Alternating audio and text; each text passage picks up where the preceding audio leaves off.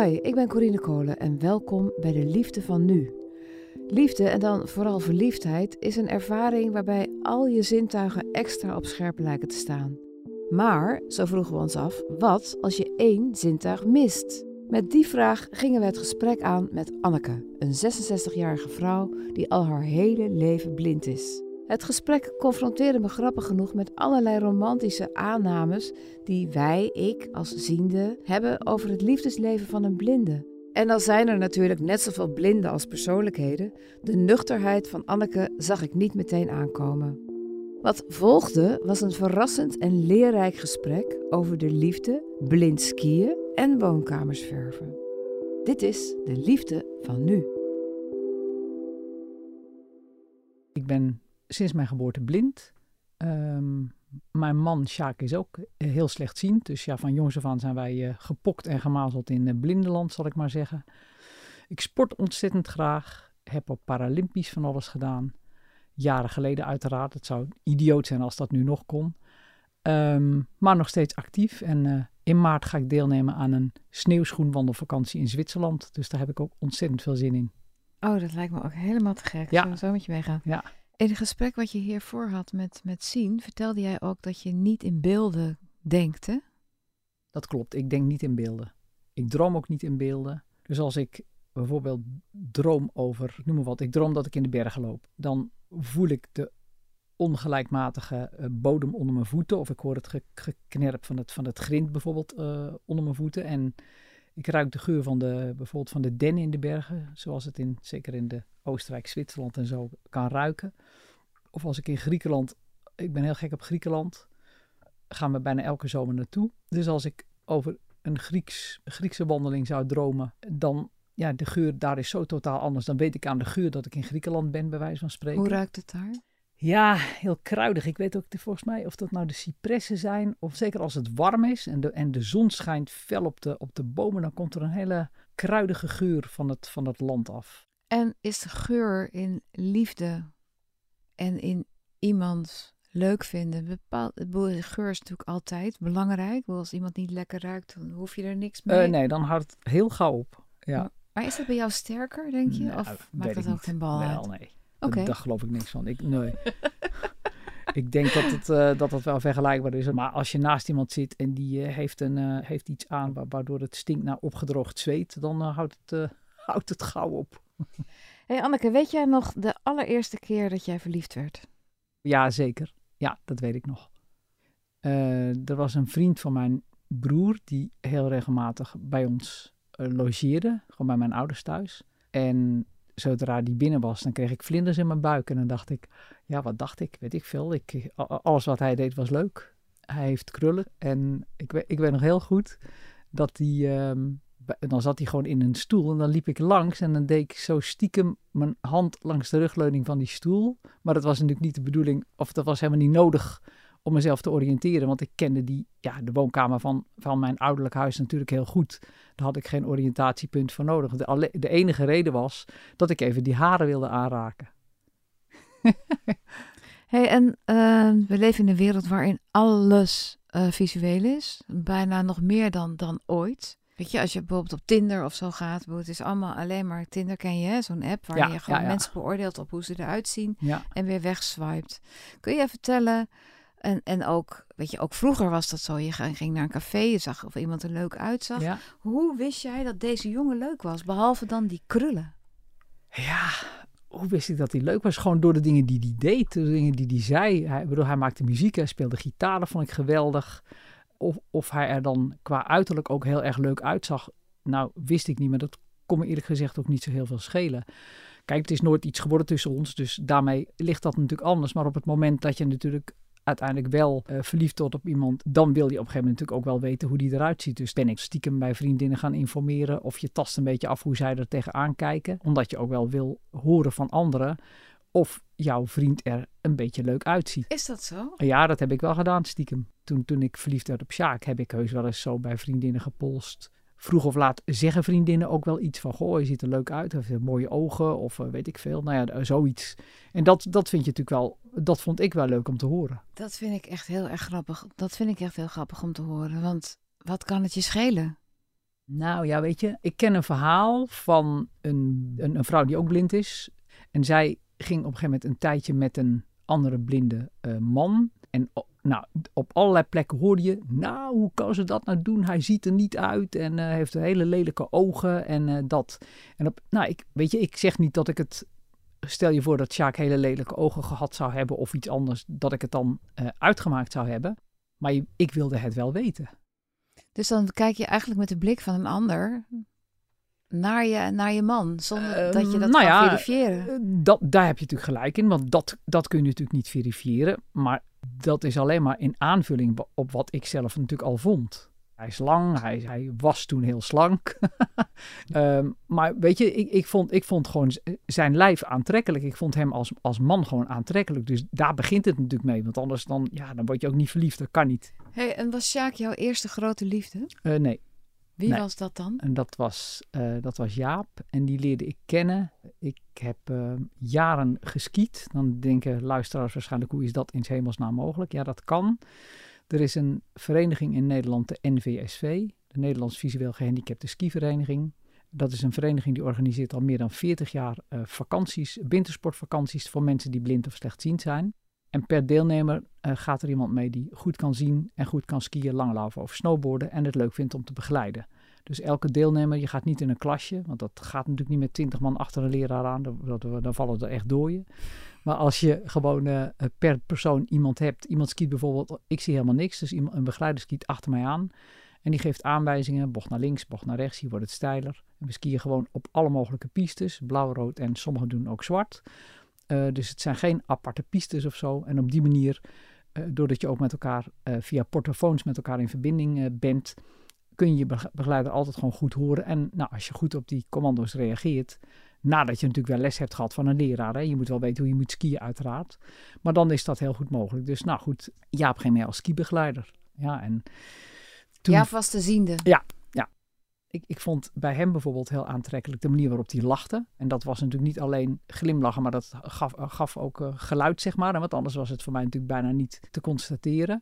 De, de grapjes die hij maakte, de humor die hij had, uh, de laconieke manier waarop hij in het leven stond. hey, en als jij zegt hij lachte op een bepaalde manier, is dat dan zo dat... Kan je dan vertellen hoe hij lachte?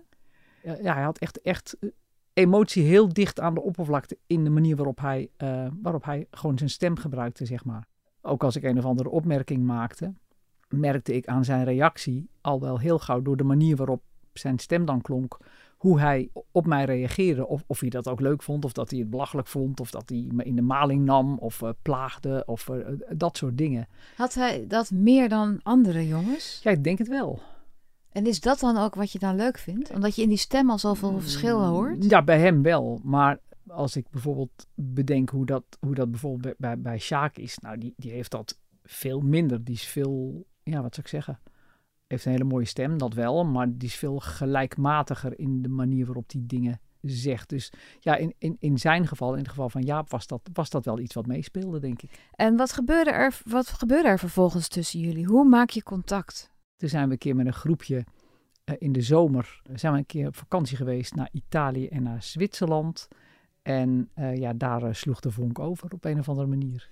Dat was het eerste moment. Toen liepen we ergens in, de, in Florence, denk ik. We hebben toen samen een brommer gehuurd. Dat mocht eerst niet, want ja, weet ik veel. Je mocht natuurlijk niet met twee volwassen mensen op zo'n brommer. En wij moesten dus praten als brugman om die verhuurder ervan te overtuigen dat het in dit geval toch echt wel zou moeten. Want ja, ik kon natuurlijk zelf geen brommer huren.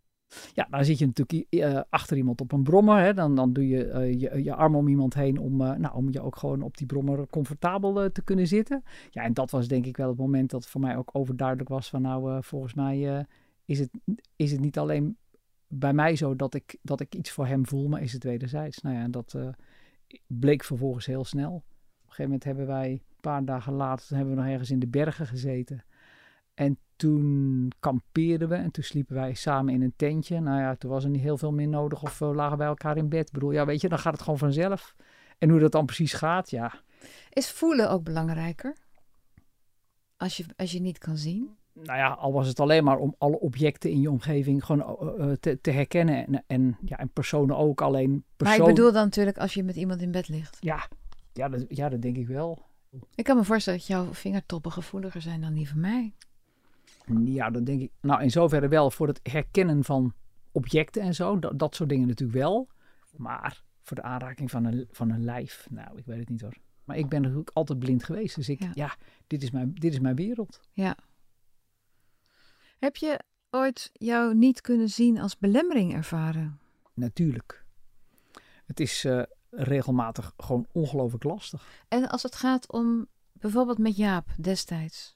Want Jaap kon wel zien. Eh, die kon wel zien. Ehm, niet op die manier. Eh, sterker nog, ik ben degene die het uiteindelijk heeft uitgemaakt. En wat ik me heel goed herinner, wat ik toen eigenlijk het ergste vond, dat heeft ook maar twee of drie maanden geduurd hoor, dus het was heftig, maar, maar wel kort.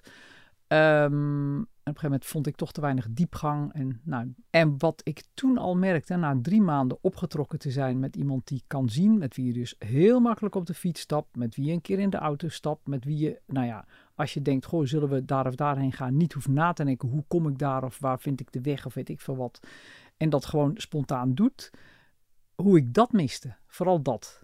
Ja, want jij zei, ik ben gepokt en gemazeld in de blindenwereld. Want je Ja. broer en een heel groot deel van je familie. En, je, voor je het weet zit je in allerlei sportverenigingen met alleen maar blinden. Dus het is eigenlijk een soort, soort parallelle wereld bijna. Van de, van de, als je niet wil, je kan je alles doen met alle blinden en slechtzienden. in fe- Dan ja heb je dat, geen- dat zou, dat zou Geen zienden kunnen. nodig eigenlijk. Ja, maar klopt. toen werd je ineens een wereld ingetrokken van wel van de zienden. Was dat een moment dat je pas echt goed realiseerde wat het betekent om blind te zijn? Nou, nee, dat geloof ik niet. Ik, ik, dat had ik al wel veel eerder goed in de gaten. Maar ik realiseerde me wel van, nou, het zou toch wel verdomd handig zijn als ik een partner zou hebben die kan zien.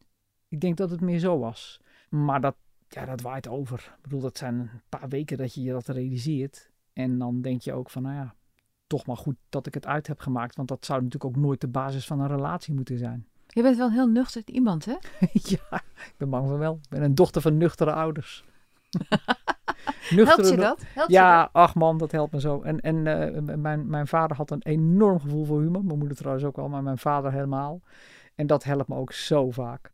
Wat vond je aanvankelijk leuk aan Sjaak? Zijn rust, het vertrouwen dat hij uitstraalde, zijn stem, ehm, zijn bedachtzaamheid. Ik ben natuurlijk een impulsieve, opgefokt, nou ja, weet ik veel, standje. Ik vind altijd overal van alles van en ook niet altijd even genuanceerd. Hè. Ik flap er nog wel eens wat uit. Sjaak, Sjaak is echt in dat, dat opzicht echt een tegenpool. Dat sprak mij aan. En wat zijn rust, maar als iemand niks zegt, dan zie je hem ook niet. Nee, maar rust is meer. Hij was niet heel, is niet heel stil. Zegt wel dingen, maar als hij iets zegt, heeft hij erover nagedacht. Of heeft hij echt naar mij geluisterd? Herinner je jullie eerste zoen? Eh, ja, dat, ja, ik denk het wel. En vertel eens, hoe was zijn mond? Hoe omschrijf jij een mond? Poh, mijn, helemaal wat een vraag. Ja, warm, gulzig, hartstochtelijk, denk ik. En zijn lichaam? Wat viel je op aan zijn lichaam? Dat dat ook in alle toonaarden uit, uitstraalde dat hij mij graag wilde. Hé, hey, en Sjaak, die is slechtziend? Ja. Hoeveel procent ziet hij wel? Eh, nu nog hooguit een procent of twee met één oog. Maar toen wij, toen wij elkaar leerden kennen, een procent of tien met twee ogen. Op welke momenten voel jij je belemmerd in je leven met Sjaak door je blindheid? Mm, soms als ik denk, joh, zullen we volgend weekend lekker een weekendje weggaan en geen zin heb om het allemaal uit te zoeken hoe, wat, wie, waar. Eh, ook wel eens als wij dingen in huis willen veranderen. eh gewoon zullen we een keer een ander kleurtje op de muren? Zullen we, zullen we, eh, we hebben een keer nieuwe meubels nodig. Een ander kleurtje op de muren. ja, nou ja, als het op een gegeven moment, als je op een gegeven moment ergens tien jaar woont en je denkt een keer, dan denk je van, nou, het wordt waarschijnlijk toch ook echt wel een keer tijd om eh, een nieuw verfje op de muren te En hebben. wie zegt dat dan tegen je? Eh, nou ja, dat weten we. Ik bedoel, dat, dat we, doordat je gewoon deelneemt aan deze, aan deze samenleving en vrienden spreekt die van alles nog wat veranderen in hun huis. En natuurlijk ook weet dat, dat zaken verkleuren. En natuurlijk ook weet dat ja, sommige plekken in de keuken vies worden. Ik bedoel, dat kan je natuurlijk zonder te zien ook, ook snappen. Weet je dat gewoon. Ja, en hoe bepaal je dan welk kleurtje erop komt? Ehm, gelukkig kan Sjaak dat nog wel redelijk zien. Nou, ik weet bijvoorbeeld nog wel, toen wij, toen wij in dit huis kwamen wonen, toen in de woonkamer zijn de muren dan wit. En Ik heb een, uh, de logeerkamer is ook mijn computerplek.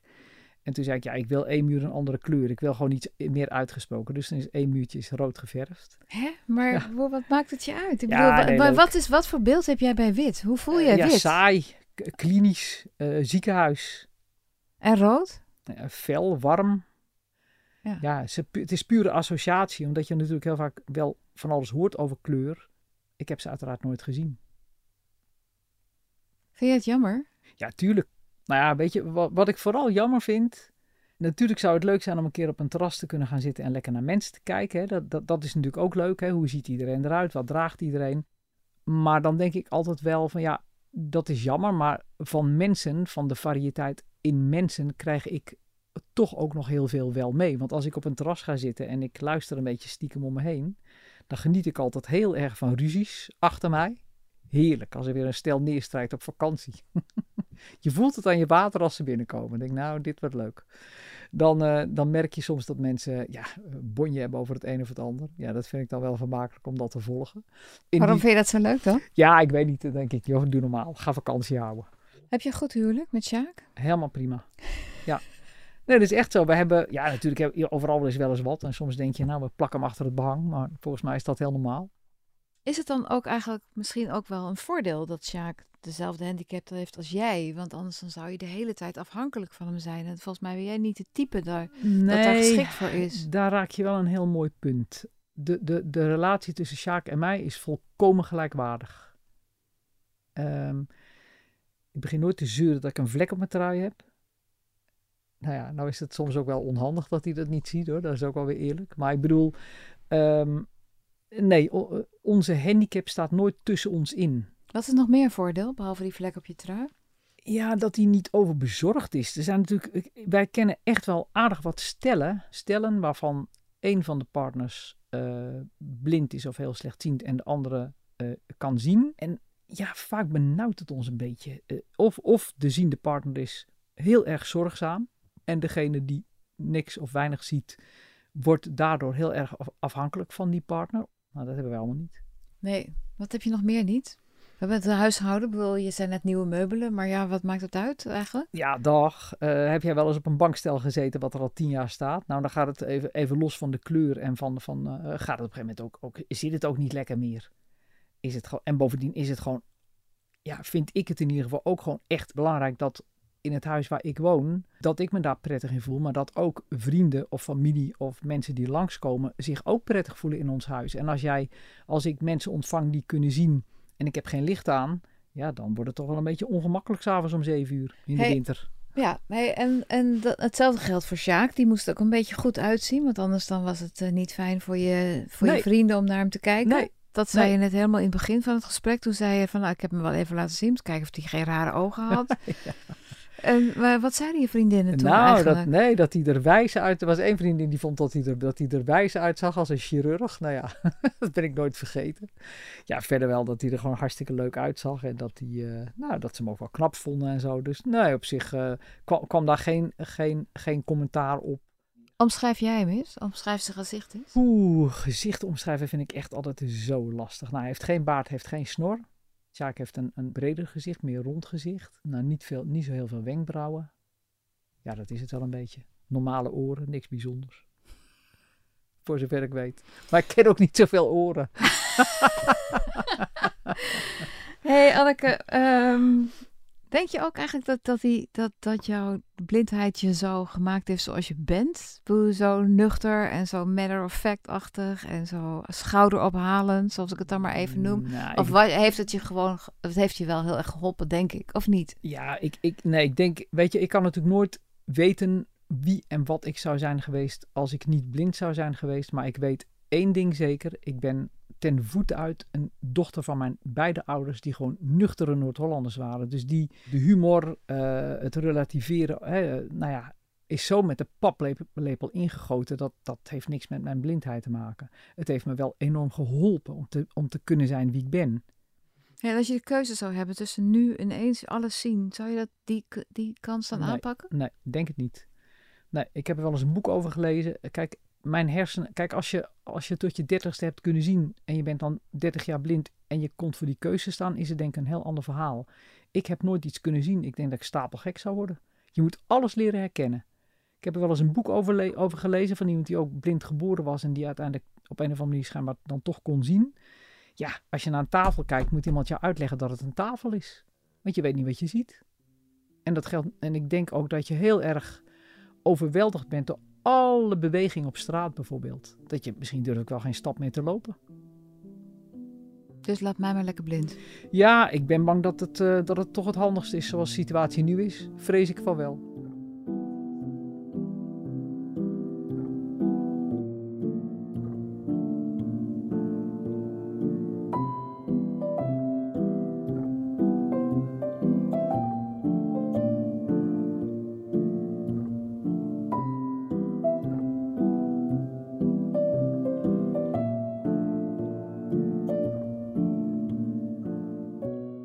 Was De Liefde van Nu.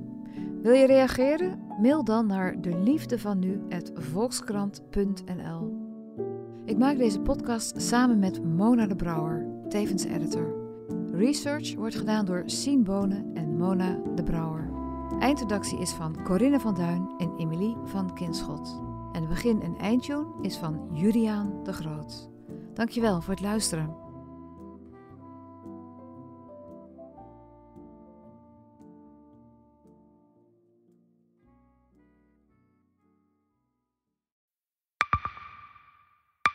Zijn leven is overhoop gegooid. Plus dat heel veel mensen hem niet geloven. Vrienden niet, die, die denken, ja, hij is gewoon gek geworden. Hoe naar moet dat zijn? Als je vertelt over de meest indringende ervaringen uit jouw leven en niemand gelooft dat je het echt hebt meegemaakt. Ja, ik vind zelf niet dat ik het verzonnen heb, maar sommige mensen denken dat wel.